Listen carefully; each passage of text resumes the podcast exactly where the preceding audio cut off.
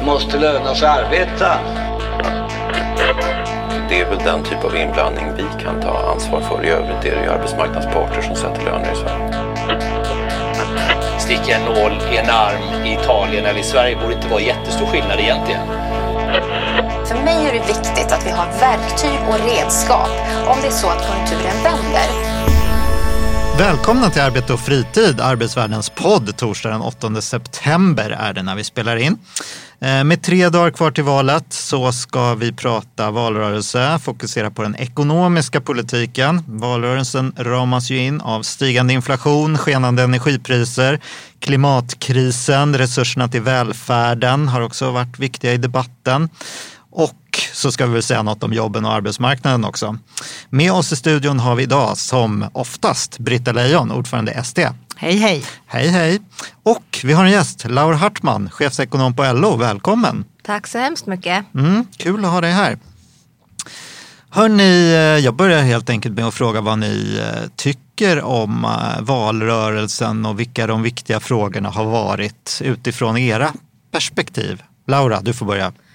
Ja, det har ju varit minst sagt en speciell valrörelse som eh, ramats in av eh, stora omvälvande världshändelser som också påverkar oss både på det mänskliga och det ekonomiska planet naturligtvis i Sverige. Eh, sen är det ju också speciell valrörelse när så mycket har handlat om det som många uppfattar som det stora samhällsproblemet i Sverige, otrygghet och kriminalitet. Det har vi väl aldrig sett så tydligt i en valrörelse förut. Eh, och, och, då kan man ju inte säga att, att, att det inte har varit viktiga frågor som har diskuterats såklart. Men det jag ändå har saknat eh, från mitt perspektiv är lite mer prat om jobb, om arbetsmarknad. Jag brukar säga att jag blir tokig varje gång jag hör någon säga att vi har en stark arbetsmarknad. För det är bara den ena delen av myntet. Vi har en tudelad arbetsmarknad och fortfarande många, många långtidsarbetslösa och en arbetslöshet som nu dessutom ser ut att börja stiga. Så att det, det är en fråga som jag tänker att vi åtminstone efter valet behöver börja prata mycket mer om. Mm. Jag håller verkligen med dig att det, det skulle behövas. Och det är ju extra konstigt om man tänker på att den, en av de frågor som diskuterats allra mest är just den bristande integrationen. Eh, och så har man kopplat det med liksom kriminaliteten och sådär, skjutningarna. Och i det sammanhanget borde man ju verkligen bekymra sig om arbetslösheten mm. eftersom det är ett av de absolut mest verkningsfulla medlen för en bra integration. Mm.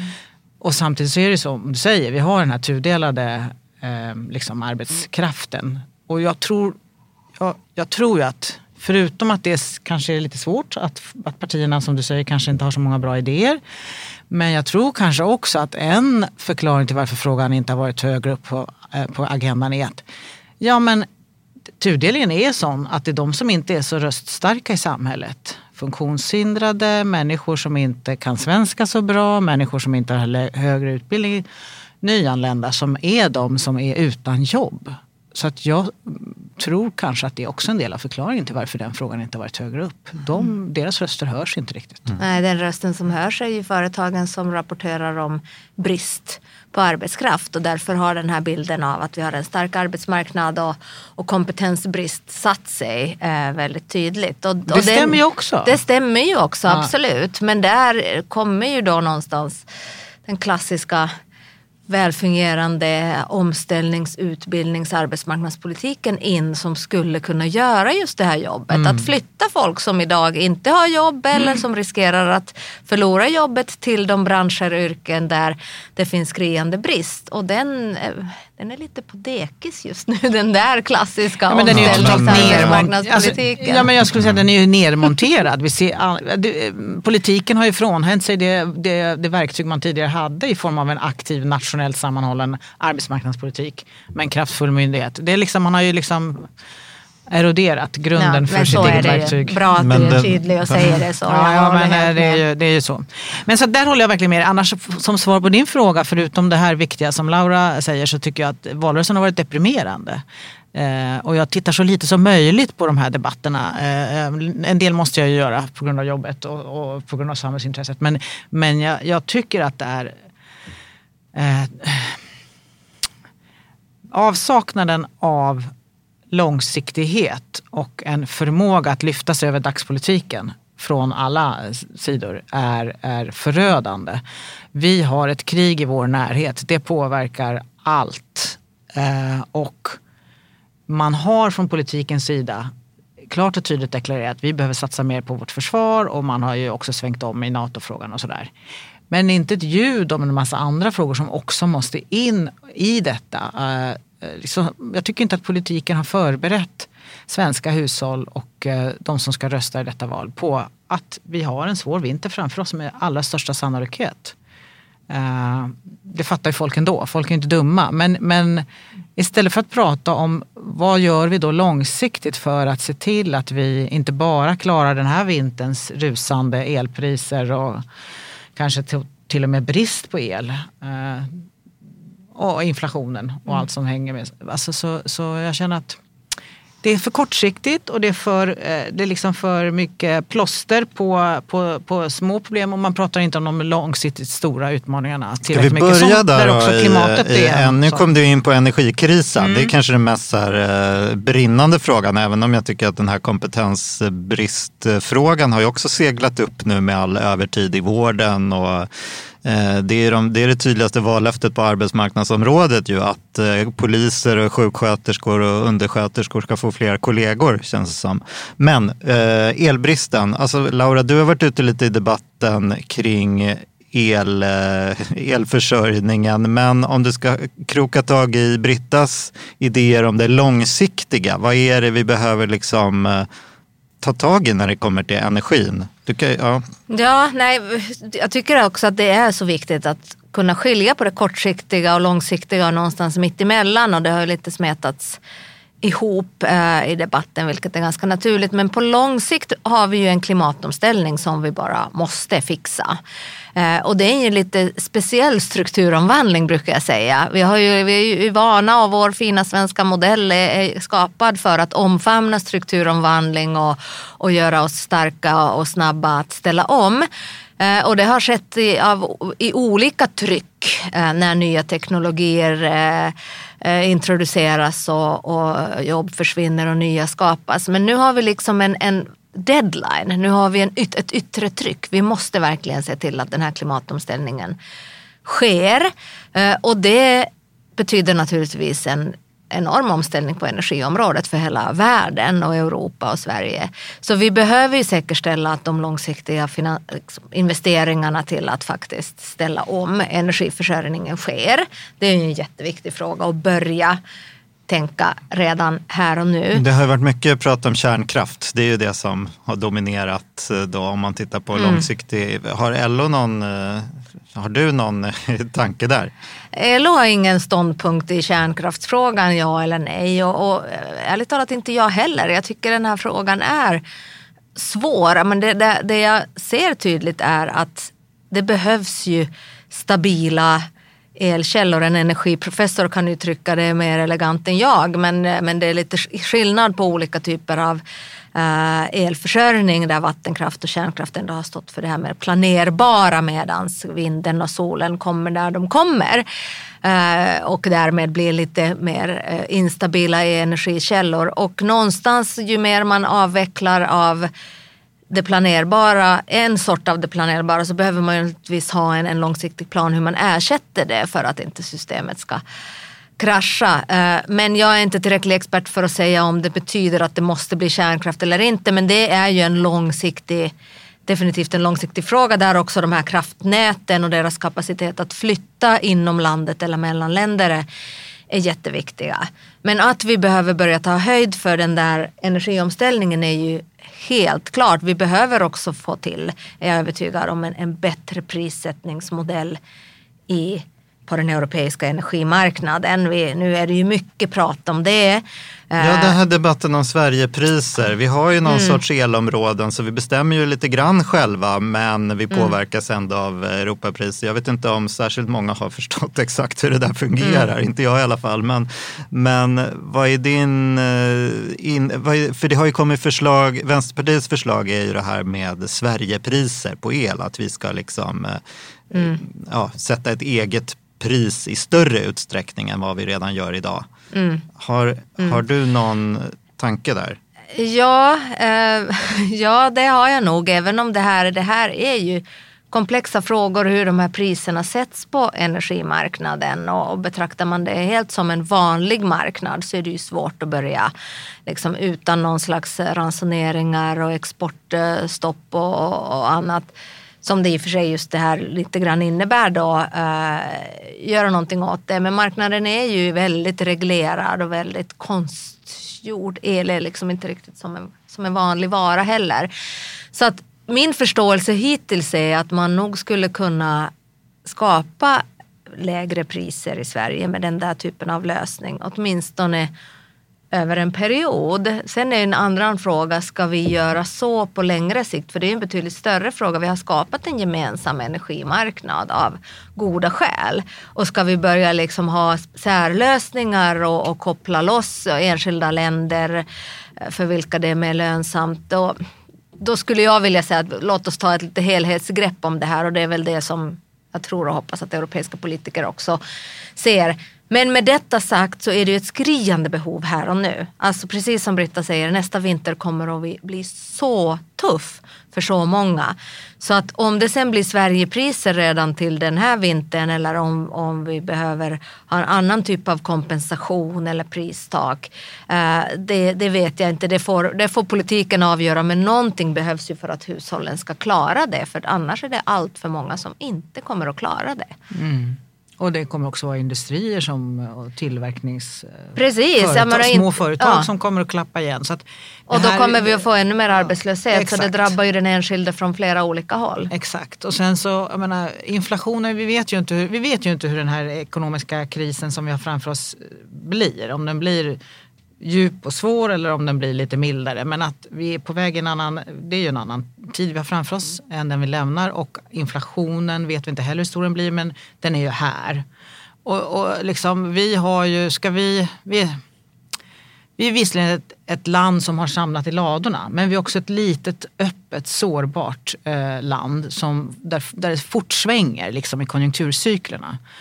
Så ska vi klara av den här påfrestningen som vi visserligen har goda förutsättningar att göra men så, då krävs det den här typen av samling, förmåga från politiken att lyfta sig över de här dags kortsiktiga kompensatoriska utspelen som kommer i en valrörelse. Så jag hoppas på tillnyktring, om inte förr så åtminstone efter söndagen och förmåga att åstadkomma de här långsiktiga... Men nu låter det som att ni först säger att vi måste kompensera hushållen och sen säger du att det är helt fel att kompensera nej, hushållen, vi måste nej, göra något långsiktigt. Ja, nej men så här, jag, eh, så jag tror man måste tror, göra både och. Exakt, tack. Mm.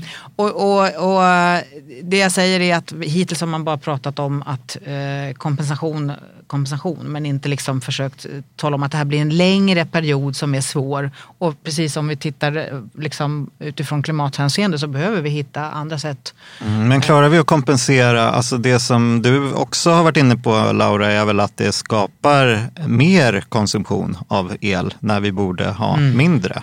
Ja, fast jag är, alltså jag, jag är ödmjuk inför min äh, ändå, ähm, okunskap på den, det här området. Elmarknaden är inte som vilken vanlig marknad heller och vi har trots allt inte med de här skyhöga elpriserna inte sett lika stor minskning i efterfrågan. Det är en basvara som behövs. Den är inte alls lika en ekonom skulle säga elastisk i, i efterfrågan som en, äh, någonting annat som vi kan som vi är mycket mer priskänsliga på. Så att jag är inte så övertygad om att det är liksom efterfrågan och en liten minskning i elpriserna skulle göra att folk börjar tända lampor till höger och vänster bara för att man har råd.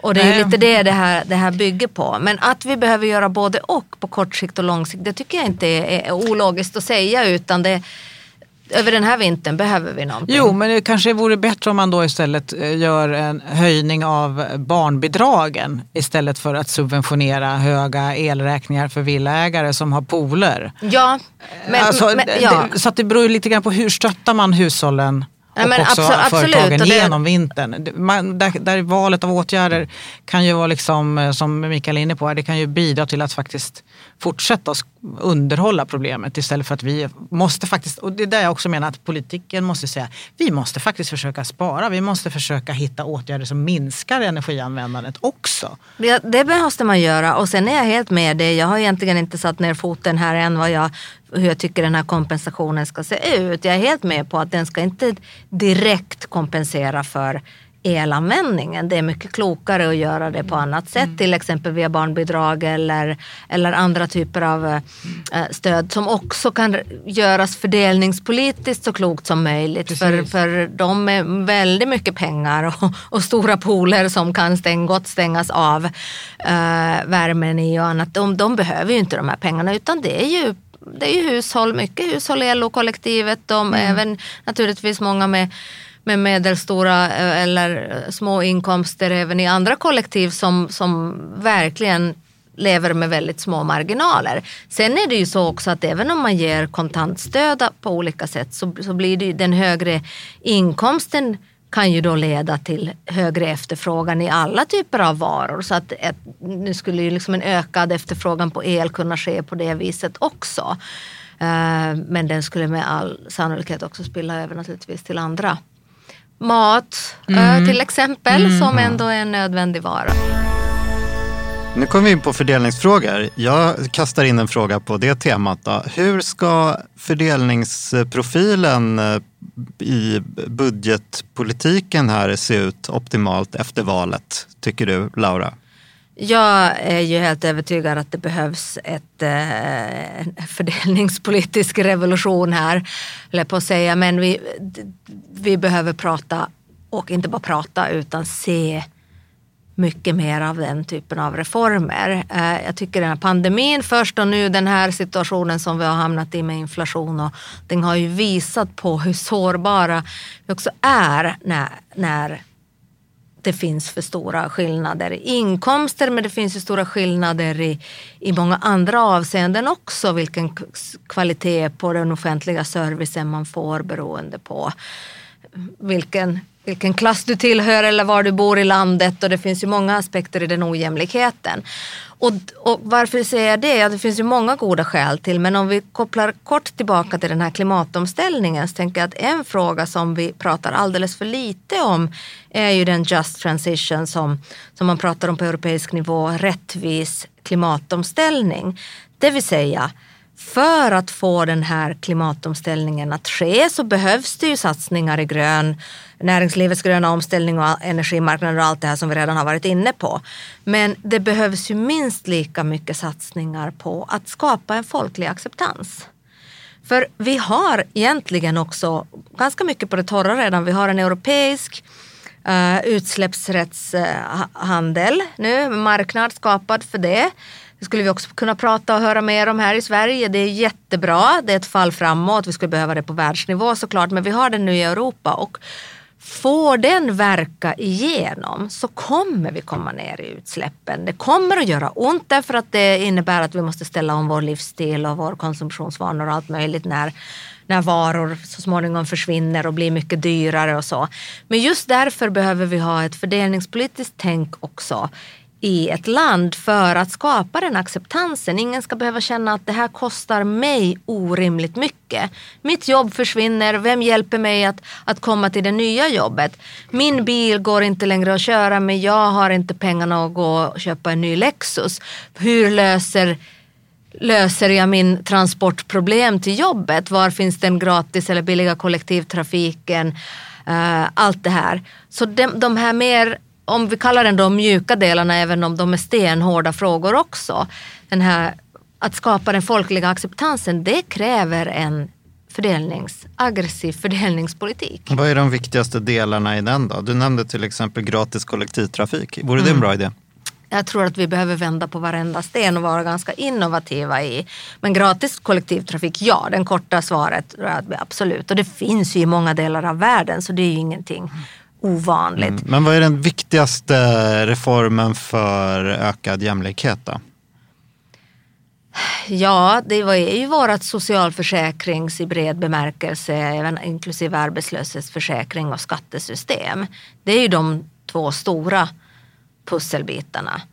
Sen har vi naturligtvis jobben, att få ett jobb och där kommer ju arbetsmarknadspolitiken in. Eh, det finns andra tyckare med andra ideologiska utgångspunkter som naturligtvis vill sänka lönerna och därigenom få folk i arbete. Jag tror inte, och det har inte traditionellt heller varit en del av den svenska modellen utan vi tror ju på att man ska kunna ta ett bättre, det är de jobb som skapas är bättre jobb och vi ska hjälpa folk att ställa om och komma till de jobben. Eh, så att arbetsmarknadspolitik är en viktig del av det här och sen så har vi naturligtvis hela välfärdssystemet, skolan, som skapar grunden för individerna att kunna ha, ett gott liv och komma så småningom till arbete också. Så att hela, hela välfärden är naturligtvis en, en viktig del av det här. Så det, det, saknas knappast politikområden att jobba med för att, för att uh, göra fördelningspolitik. Jag håller med. Skolan och jobben är väl helt grundläggande. Mm. Jag ställde ju lite den här frågan till dig för att jag, har upplev, eller för att jag upplever dig fortfarande som en så mainstream-ekonom som kom till LO och nu har liksom hamnat i den här liksom socialdemokratiska, eh, liksom, eh, vad ska man kalla det, socialdemokratiska miljön. Så eh, jag tyckte det var lite roligt att höra dig prata om eh, jämlikhet och de bitarna. Har jag, tänker jag, vad är det för förutfattade meningar? Jag tror att du, att du ser en större, ett, någon slags gap däremellan som, som inte finns. Jag vågar påstå att jag har väldigt många så kallade mains, vad det nu än är, mainstream-ekonomer som, som absolut ser värdet av eh, och har forskningsbelägg att en god eh, fungerande eh, skydd, inkomstskydd, försäkringsskyddssystem är bra för ens land tillväxt, välfärd. Jag menar det finns ju en gängse syn numera bland OECD och IMF och de här tunga ekonomorganen att jämlikhet faktiskt är bra för tillväxt. Det har ju varit en fråga som många har tvivlat Rätt kring. svar. Så du ser dig, du ser dig fortfarande som mainstream-ekonom? Har väl aldrig riktigt sett mig ärligt talat som en mainstream-ekonom. Jag har varit alldeles för intresserad av andra samhällsområden. Jag har sökt mig till jobb där jag inte har renodlat arbetat bara som ekonom. Eh, men, eh, men jag vet ärligt talat inte vad. Och för mig är det inte så intressant att bli titulerad som mainstream eller icke mainstream. Ska vi återvända lite till inflationen? Alltså jag eh, är lite intresserad av jag tänkte så här, du var ju förut ganska kritisk till att Riksbanken skulle höja räntan. Du menade väl, antar jag, att eh, inflationen kom liksom av, eh, av mm. den var importerad så att säga eh, av ökade energipriser och det var inget som vi kan påverka liksom, genom höjda mm. räntor. Och då undrar man ju nu när vi har en så allmänt utbredd inflation, har du ändrat dig eller vad, hur, ska man, och hur ska man kombinera då finanspolitiken med en om du mm. fortfarande står fast vid en lågräntepolitik, betyder det att vi inte kan göra kanske de här invester offentliga investeringarna som så många pratar om behövs? Eller hur ser mm. du på det där? Hur ska vi det är en fråga om inflation i bredare bemärkelse. Ja, liksom. och det finns många trådar i det. Men om vi börjar med, med vårens eh, räntehöjningar och de som jag uttryckte kritik mot så, så handlade ju kritiken eh, framförallt om att Riksbanken var tidigt ute, eh, flera månader innan Europeiska centralbanken eh, höjde sin ränta. Eh, och det jag och vi ville egentligen var att påpeka att det här kommer att få ganska stora realekonomiska konsekvenser och kan också verka kontraproduktivt i avtalsrörelsen när det inte nödvändigtvis sänder en signal att oj, oj, oj, nu måste vi vara sparsamma i våra lönekrav därför att Riksbanken höjer räntan och tar inflationen på stort allvar utan det snarare kan spä på den frustration som redan har funnits där. Så det var ju framförallt kritiken om vi säger så. Eh, Sen är det ju så att den svenska riksbanken har svårt att avvika stort från ECBs äh, eh, räntepolitik och det har med valutakurser och vår internationella handel och, och, allt det här att göra. Eh, så att höjer ECB, vilket den nu har gjort, så är det ju ganska rimligt att Riksbanken också hänger på. De är rätt väl medvetna även på Riksbanken om att, att påverkansmöjligheter just här och nu är ganska små till den aktuella inflationen för att den är fortfarande väldigt starkt driven av energi och livsmedelspriserna. Sen har den ju rimligtvis börjat sprida sig i ekonomin därför att så väldigt mycket är beroende av energi. Och även i viss mån livsmedelspriserna men, men framförallt energi. Och, och så länge man trodde att energiprisökningarna var tillfälliga för det kan man ju tycka, så hur kunde vi vara så naiva? Men så trodde vi ju många i vintras. Då är det inte rimligt för kanske för olika företag att börja höja sina priser för man tänker det här går över. Men nu har man ju förstått att det här går inte över. Så då kommer vi till nästa fråga. Om vi nu säger att ja, Riksbanken gör det den gör. Eh, den ska ju tycker jag fortfarande inte vara den mest aggressiva i sin räntepolitik. I många andra länder har man börjat prata om en, en smooth landing och, och att vi och, och måste också ta realekonomisk hänsyn. Det måste Riksbanken också enligt nya lagen nästa vår börja göra. Så att Riksbanken ska nog inte rusa för mycket. Men givet att räntorna ändå höjs så är det ju desto viktigare att, den, att finanspolitiken parerar det här på ett klokt sätt. Uh, vilket betyder att den samlade ekonomiska politiken får i detta läge inte bli för åtstramande. Vi har en lågkonjunktur på gång. Någon måste ta ansvar för att hålla efterfrågan uppe för att undvika en alltför stört stor krasch.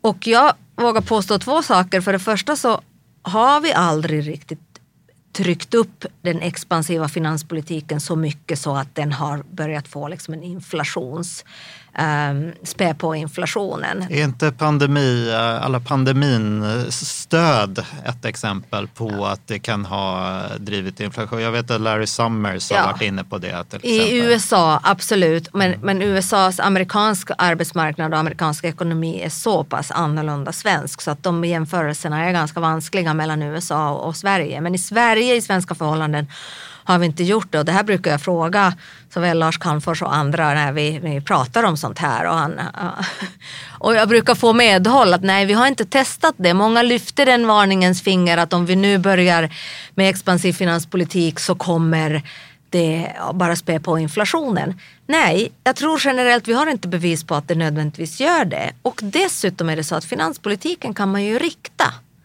Medan penningpolitiken är ju någon slags kontantstöd till alla och egentligen har en ganska knasig fördelningspolitisk profil därför att den, den ger ju mer till de som har stora lån och mycket ränta, det vill säga höginkomsttagare. Men finanspolitiken kan man ju rikta och nu har vi ju massor av det. Senast idag en artik- lång artikelanalys i Dagens Industri där Nils Åkesson pekar på att vi har ju stora investeringar som vi måste göra för att klara klimatomställningen, för att klara välfärden och försvaret naturligtvis. Vi har sparat i ladorna så in i de senaste decennierna. Vi har jättestarka finanser. Så det är läge att justera överskottsmålet neråt, göra de här investeringarna. Och det riktar man den här finanspolitiken klokt så, så kan man också säkerställa att det inte blir så inflationsdrivande. Slutligen, så en, ett område vi kommer tillbaka till där vi började, arbetsmarknaden. Alltså vi verkar eniga i detta rum i alla fall att den, den behöver rustas upp.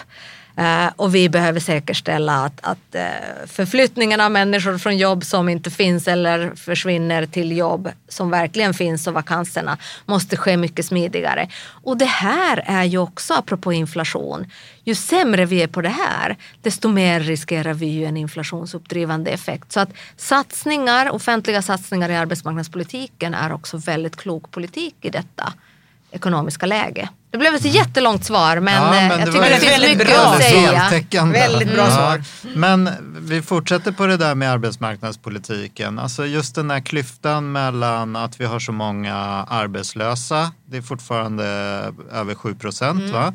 Och eh, att vi har som brist på arbetskraft anger företagen. Mm. Ja, men det stämmer ju. Eh, Och är det, är det rimligt, eller ni pratar om aktiv arbetsmarknadspolitik, men är det Har vi liksom förutsättningar att de som är arbetslösa idag ska ta de här Nej. jobben som behöver Inte fyllas? riktigt. Inte riktigt. Vi har, ju, vi har ju många som har varit långtidsarbetslösa och som, har, eh, som, som kräver stöd och hjälp i form av eh, både att bygga på sin kunskap eh, som ofta är mycket lägre än vad företagen idag kräver. Eh, och också en del andra stödinsatser från sjukvård och sådär. Så att det är, inga snabb, det är liksom inte matchningsåtgärder som hjälper många av de som är långtidsarbetslösa idag. Utan vi har ett, eh, vi har ett behov av mer eh, kompetent arbetskraft. Och det handlar helt enkelt om att vi och under överskådlig tid, om vi tittar på demografin, hur den ser ut. Vi har för få som är i den arbetsföra åldern jämfört med de behov vi ser framför oss. Men det är också så att arbetsgivarna måste faktiskt fundera över vilka krav de ställer på de de vill anställa. Och man kan inte Eh, bara för att ta ett litet exempel från min egen del av arbetsmarknaden. Då. Arbetsgivarverket har nyligen släppt en rapport där de beskriver vilka krav de ställer på folk som ska ta jobb i, i de statliga myndigheterna de kommande åren. Och det, i deras värld räcker det inte längre med en utbildning, en högskoleutbildning, utan de vill helst att man ska vara både systemvetare och jurist till exempel.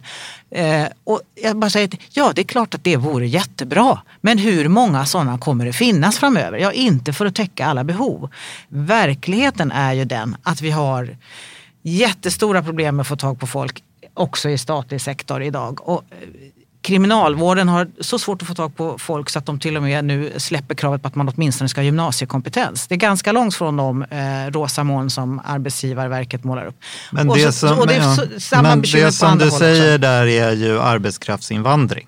Ja, alltså på lång sikt så ser inte jag hur vi ska lösa det här utan att ha både en otroligt bra utbildning, förskola, skola, eh, att arbetsgivarna faktiskt inte kräver mer kompetens än vad som faktiskt behövs för olika jobb. Eh, men också att vi tar hand om den pool av resurser vi idag har hos de som har varit långtidsarbetslösa. För med hjälp, men under hjälp under betydligt längre tid än vad enbart matchningsåtgärder åstadkommer så kommer de också att kunna bidra och jobba framöver. Eh, Men sen tror inte jag att det räcker utan jag tror att vi kommer att behöva eh, inse att vi också behöver ha fler som kommer till Sverige. Laura? Eh, Ja, om vi börjar med frågan med arb- arbets, dagens arbetslöshet och den, hur, hur matchar vi med den kompetensbrist som finns så, så brukar jag tänka att det finns, dela upp liksom arbet, gruppen arbetslösa i tre kategorier. Vi har å ena sidan de med väldigt, väldigt korta, nyligen arbetslösa som, som det nog inte behövs särskilt mycket hjälp till överhuvudtaget. Det brukar lösa sig själv, man är in between jobs och kanske arbetslös någon månad eller så det man möjligtvis redan där, apropå arbetsgivare, behöver tänka på hur kan vi, det sker ju massa spännande geografiska förflyttningar eller förändringar i eller geografin förändrar sig inte men balanserna i efterfrågan och utbudet av arbetskraft. Vi har ju liksom en norr som nu söker folk. Det där har vi inte sett på flera, vet inte någonsin i vår historia på samma sätt kanske när gruvorna byggdes och järnvägen byggdes på 1800-talet men inte sedan dess. Så såklart, liksom, hur kan man då underlätta för eh, folk att flytta där jobben finns? Men sen har vi två andra grupper, de lång, långtidsarbetslösa över två år. Och det har ju varit den oroväckande gruppen som har vuxit länge. Nu ser den också ut att minska lite grann men det fortfarande pratar vi om, om eh, väldigt många människor i den gruppen. Och där behövs ju, finns ju faktiskt evidens och kunskap. Arbetsförmedlingen själv har tagit fram verkligen med vetenskapliga metoder och utvärderingar som visar att den satsning som man gjorde, jämställd etablering till exempel, som riktade sig till, till lång, långtidsarbetslösa invandrarkvinnor, gav bra resultat. Som en kombination av kartläggning av dina förmågor, inte hur din CV ser ut, för den är antagligen tom för att du har kanske inte ens gått färdigt skolan och, och har ingen, ingen liksom betald arbetslös eller erfarenhet från betalt arbete. Men du har ju organiserat en hel familj i en flytt, kanske från andra delar av världen. Du, har, du roddar och, och, och eh, ett hushåll och kan en massa saker. Och sen utifrån det börja fundera på var kan vi hitta en arbetsplats tidigt där man kan börja testa med olika typer av stöd kopplad till det utbildning, svenskundervisning och så vidare. Mm. Så den typen av ganska kostsamma men kostnadseffektiva satsningar för att få in de långtidsarbetslösa i arbetet.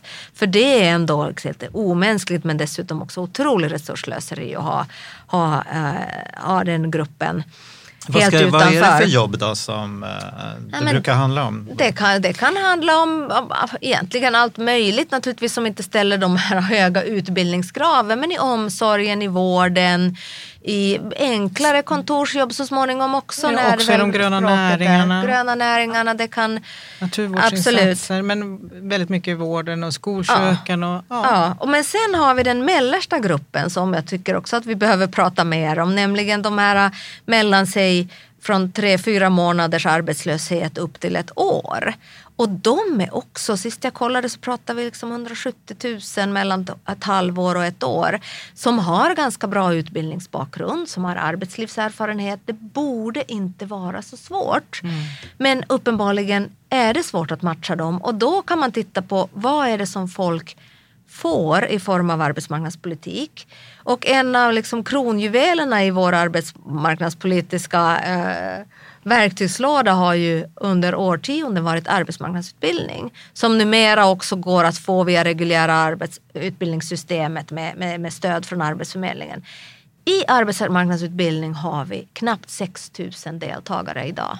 Vi har 330 000 inskrivna, om jag minns rätt, kan vara någon tusen fel, men, men i den storleksordningen inskrivna på Arbetsförmedlingen. Vi har knappt 6 000 i arbetsmarknadsutbildning. Det är en skam. Mm. Det är klart att vi måste använda den mycket mer. Vi måste använda det reguljära utbildningssystemet också mer med stöd från Arbetsförmedlingen. Och vi vet trots allt att det är också yrkesutbildade som arbetsmarknaden framförallt skriker efter. Det är inte med dem, även om exemplen på två högskoleutbildningar också finns bland kraven, men den stora bulken är yrkesutbildade. Mm. Hur kan vi matcha det här på, på nu kort sikt? Hur kan vi få fram fler solpanelmontörer? Det kanske inte ska behöva ta mer än ett halvår, vad vet jag, att ombilda någon som har gjort någonting lite liknande åt det hållet och nu kan börja skruva fast de här solpanelerna som det är brist på. Och sen behöver vi naturligtvis på längre sikt finns massa frågor att lösa också hela utbildningssystemet och de här yrkesutbildningarna att verkligen skala upp dem och göra dem ännu mer tajt, tajt kopplade till arbetsmarknadens behov och så vidare. Mm. Jättebra att du lyfter det där. Och vad och är det motståndet då? Varför ja, har vi så få en i del, arbetsmarknadsutbildningar? En del av problemet, jag vet inte, det är säkert, säkert andras orsaker, men en del av problemet är att vi har ju för förvaltningsanslagen till eh, myndigheterna som ska rodda det här är ju eh, så bristfälligt. Det är för få anställda på Arbetsförmedlingen. Det finns liksom det är problem med det. Men sen finns det säkert problem med andra delar också med utbudet. Också. Ja, men jag hakar på där. Mycket av problematiken sitter i att den myndigheten är sargad. Den har inte fått förutsättningar de senaste åren. Det har pågått allt för länge. Nedmontering och sen så stopp, stopp, hej, hej och nu vet vi inte riktigt vad vi ska göra. Och, och, och eh, nu är det ett läge där naturligtvis många av de erfarna arbetsförmedlarna lämnar det ganska snabbt när budet kom att myndigheten kommer att verkligen skalas ner rejält. Man har fått bygga upp en gigantisk upphandlingsavdelning för att hantera alla de här eh, avtalen tusentals avtalen som man har med olika aktörer i Rusta och Matcha. Eh, och, och den, eh, väldigt mycket av arbetsmarknadspolitik handlar ju nu om just eh, matchningstjänster och de är inte oviktiga men de behöver också i många fall kombineras mm. med Uh, antingen subventionerade anställningar eller utbildningar. Och man har inte tid och resurser att anvisa på ett vettigt sätt. Dessutom fastnar man i oändliga överklagansprocesser och annat vad gäller upphandling så att det står still. En favoritcitat som jag hörde från en kollega eh, här i somras var att i fjol, jag har inte kvalitetssäkrat det men, men det är en bra sägen i alla fall, att i fjol så startade inte en enda lastbilschaufförsutbildning eh, på Arbetsförmedlingen trots att branschen skriker efter. Och vad berodde det på? Ja, men överklagan och, och inte hitta bra och, och sen inte ha tid Och, anvisa rätt personer. inte. och- här så att man lämnar ju medans med, och det var ju anledningen också som man sa från myndighetens håll att man inte gick vidare med den här jämställda etableringen. För att man hade inte, det, det, det kräver mycket arbetsförmedlarresurser Som man inte har. som kommer från förvaltningsans som finansieras av förvaltningsanslaget Mm. som man inte har. Och det här var ju så upprörande så att analysdirektören avgick. Det här var liksom det sista droppen för henne. Så att det kokar mycket ner i Arbetsförmedlingens tillvaro. Så därför skulle jag säga att det finns jättemycket att göra på arbetsmarknadspolitikens område. Men mitt liksom, första önskan till nya regeringen är men se till nu och återupprusta Arbetsförmedlingen så att den kan göra sitt jobb och slipper lämna tillbaka tusen, tusentals miljoner kronor. Kanske ja, Mm. inte riktigt i den storleksordningen men alldeles för mycket. Jo men det handlar om miljarder som man lämnar tillbaka årligen i sakanslag och förvaltningsanslaget är för litet. Det är ju helt tokigt. När vi pratar om arbetslösheten, för att återknyta till valrörelsen, så var ju Ulf Kristersson, eh, han har ju en siffra där på 700 000 utrikesfödda som inte försörjer sig själva. De tjänar under någon viss eh, gräns, ungefär 15 000. Ehm, är det där, och jag tänkte också på det vi pratade lite om inledningsvis, att eh, jag tror att i Sverige så gör vi ju ofta frågan om ekonomi och arbetslöshet till en invandringsfråga eh, jämfört med de andra europeiska länderna. Eh, eller jämfört med de andra nordiska länderna till viss del om man kollar på så här mediestudier. Det är, eh, invandring är jätteviktig i Sverige medan ekonomi och arbetslöshet är viktigare i andra länder. Hur viktigt är det här med språkkunskaper och invandring i jobbpolitiken och hur mycket Eh, är det bara en fråga om vilken struktur vi har på arbetsmarknaden för hur, hur lätt det är för människor att komma in på arbetsmarknaden. Ja men det är klart att det är viktigt med språk men eh, och det, det är det ju verkligen eh, så. Man måste bli förstådd, man måste kunna göra sig förstådd, man måste kunna läsa instruktioner och inte göra fel, etc. etc, etc. Så det är viktigt. Men vi har ju också jobb där det kanske funkar ganska bra med engelska till en viss del. Eh, I servicesektorn, eh, åtminstone i storstadsområdena klarar man sig ganska bra på engelska. Så att jag menar, eh, Jag tänker vi har ju alltid en kö liksom, av arbetslösa. In, arbetsgivaren anställer ju alltid den som den upplever har bäst kvalifikationer och så vidare. Men skulle fler skulle vi ha fler anställda om vi hade fler som kunde svenska? Eller är, är kön konstant så att säga? Är arbetsmarknaden ändå... Alltså att folk får jobb i den ordning som arbetsgivaren bestämmer och det handlar inte så mycket om eh, vilken typ av svenskkunskaper man har eller utbildning. Ja, alltså till att börja med så är ju inte antalet jobb givet för all evighet utan det påverkas ju också av det utbud som man har av, eh, av, eh, i arbetskraften. Så, att, eh, så, så enkelt är det förstås inte. Sen att, att arbetsgivarna eh, sorterar och ser inte kompetenser som de borde se för att man agerar utifrån fördomar och annat det är ju ett problem i sig såklart. Som, det pågår ju diskriminering på den svenska arbetsmarknaden och eh, man ställer onödigt höga krav även i i, i språkkunskaper säkerligen. Det finns ju mycket forskning som visar att den här typen av åtgärder där du får ett jobb eh, snabbt och, och sen kan få stöd på arbetet och därmed också får arbetskamrater att lära dig svenska om ett av dina problem är att, att du inte kan svenska är framgångsrika. Så att vi, vi, vi kan ju givet att, att vi inte kan ändra arbetsgivarnas attityder så kan man ju med olika typer av rätt, arbetsmarknadspolitiska åtgärder skapa ändå eh, bättre förutsättningar. Sen tycker jag man ska komma ihåg att, att vi menar, vi, vi, vi är inte så urusla i Sverige att få personinvandrare in på arbetsmarknaden. Eh, en jämförelse med de nordiska länderna så är vi ganska bra, ungefär på samma nivå som Norge och Danmark är väl lite sämre. Eh, men vi har ju väldigt många med den bakgrunden på vår arbetsmarknad och därför blir det, blir det höga tal. Men, eh, men i grunden så är det ju samma typ av arbetsmarknadspolitik som, som fungerar men det kanske ju, ju, ju lägre utbildning du har och har dessutom språkproblematik så behövs det lite intensifierade insatser och det är precis som den här jämställda etableringssatsningen visar att, att det, det går att räkna hem även den typen av satsningar mm. om man gör dem på rätt sätt. Ska vi prata någonting om de här eh, investeringarna som avslutning, tänker jag. Det är, lite, det är väl fint, eh, fram, det, då tittar vi långt in i framtiden. Um, det efterlyses ju offentliga investeringar och det eh, kan vi ju prata om. Men jag tänker också företagens investeringar är väl också intressanta mm. och då handlar det väl om, alltså det finns väl lite av en konflikt där mellan hur mycket ska gå till löner och hur mycket ska gå till investeringar. Hur ska man se på den där balansen framöver? Ur en företagsledningsperspektiv ja, eller ur, ur Sveriges? Eller ur LOs perspektiv, tänker jag. För man driver ju på för högre löner förstås. Eh, det är ju ert jobb. Men det är också viktigt att svenskt näringsliv investerar för framtiden.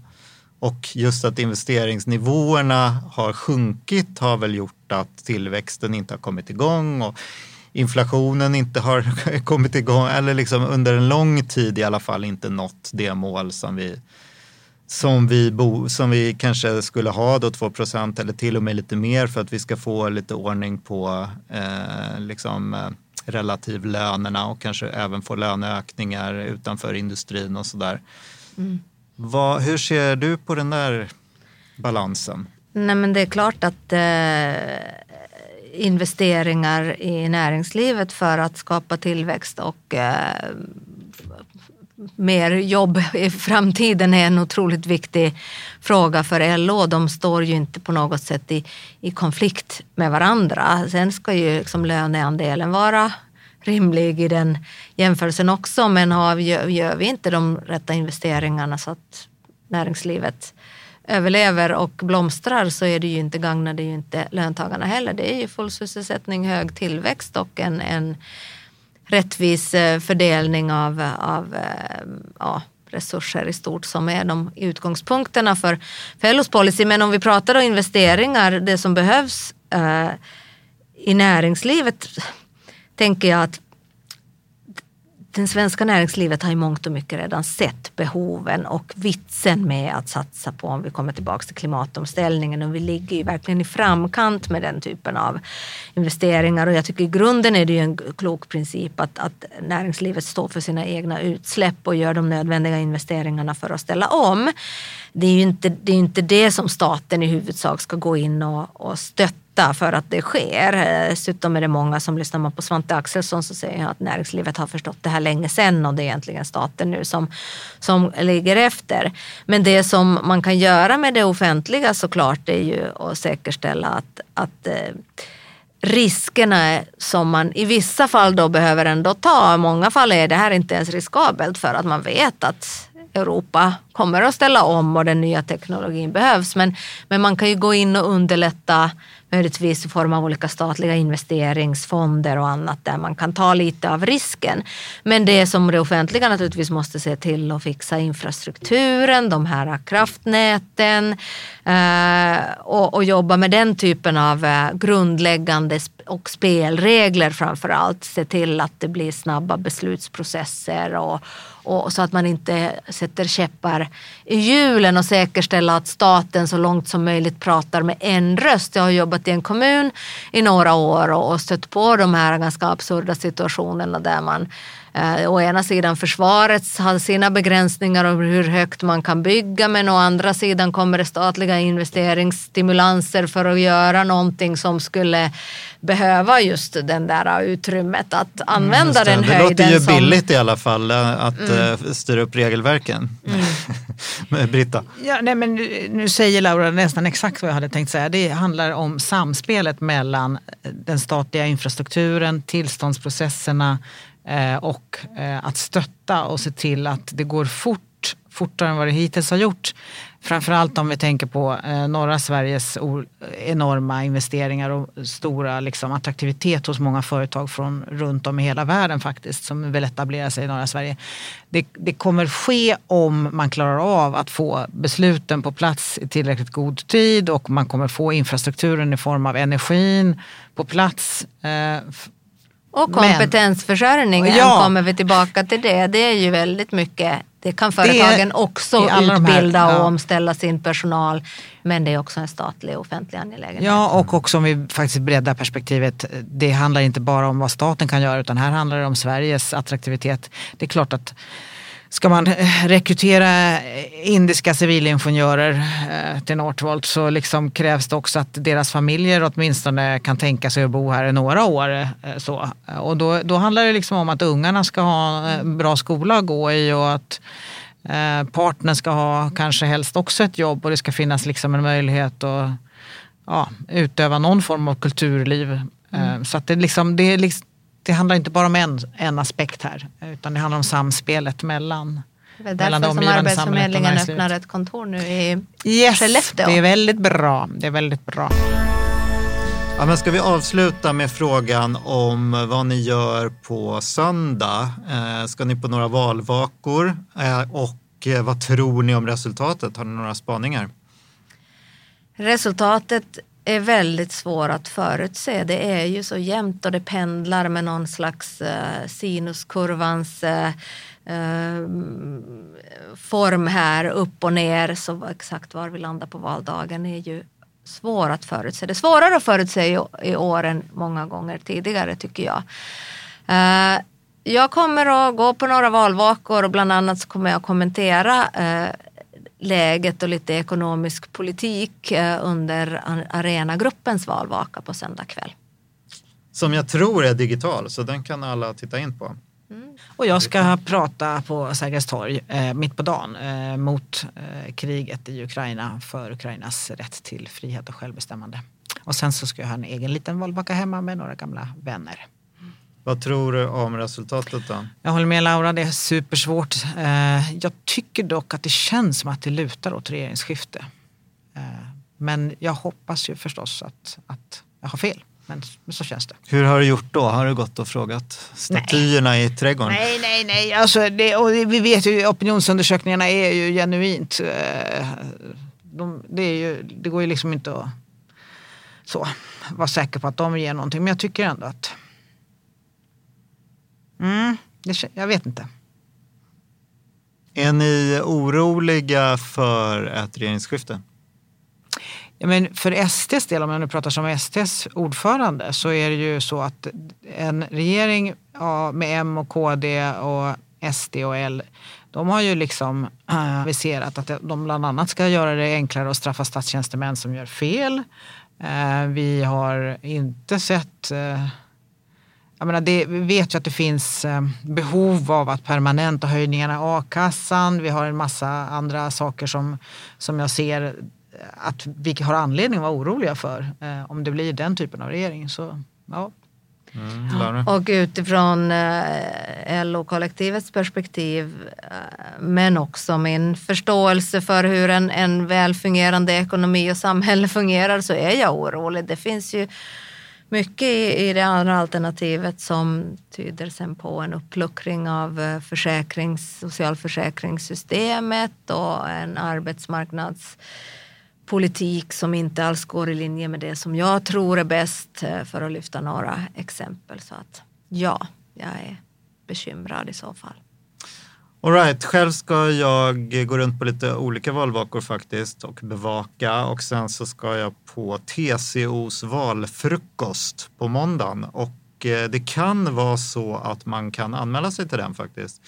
Eh, skicka ett eh, mejl till TCO i så fall om ni är sugna för det kan finnas några platser kvar. Göran Hägglund och Karin Pettersson kommer dit och pratar om valet. Kul. På måndag morgon. Men innan dess, innan måndagen, så måste man komma ihåg att använda sin rösträtt. Just det, det ska man inte glömma. Bra. Hörni, då återstår för mig att säga tack till Laura Hartman, LO. Tack. Kul att ha dig med. Eh, Britta som alltid förstås. Och eh, klipper podden gör Henrik Andersson Fågel. Och eh, jag heter Mikael Fältbom och är chefredaktör för Arbetsvärlden. Det glömde jag säga, men det vet ni vid det här laget. Eh, bra, se till att prenumerera på eh, podden så ni inte missar några avsnitt. Eh, klicka i den rutan och så hörs vi igen om två veckor. Ha det bra tills dess. Hej hej!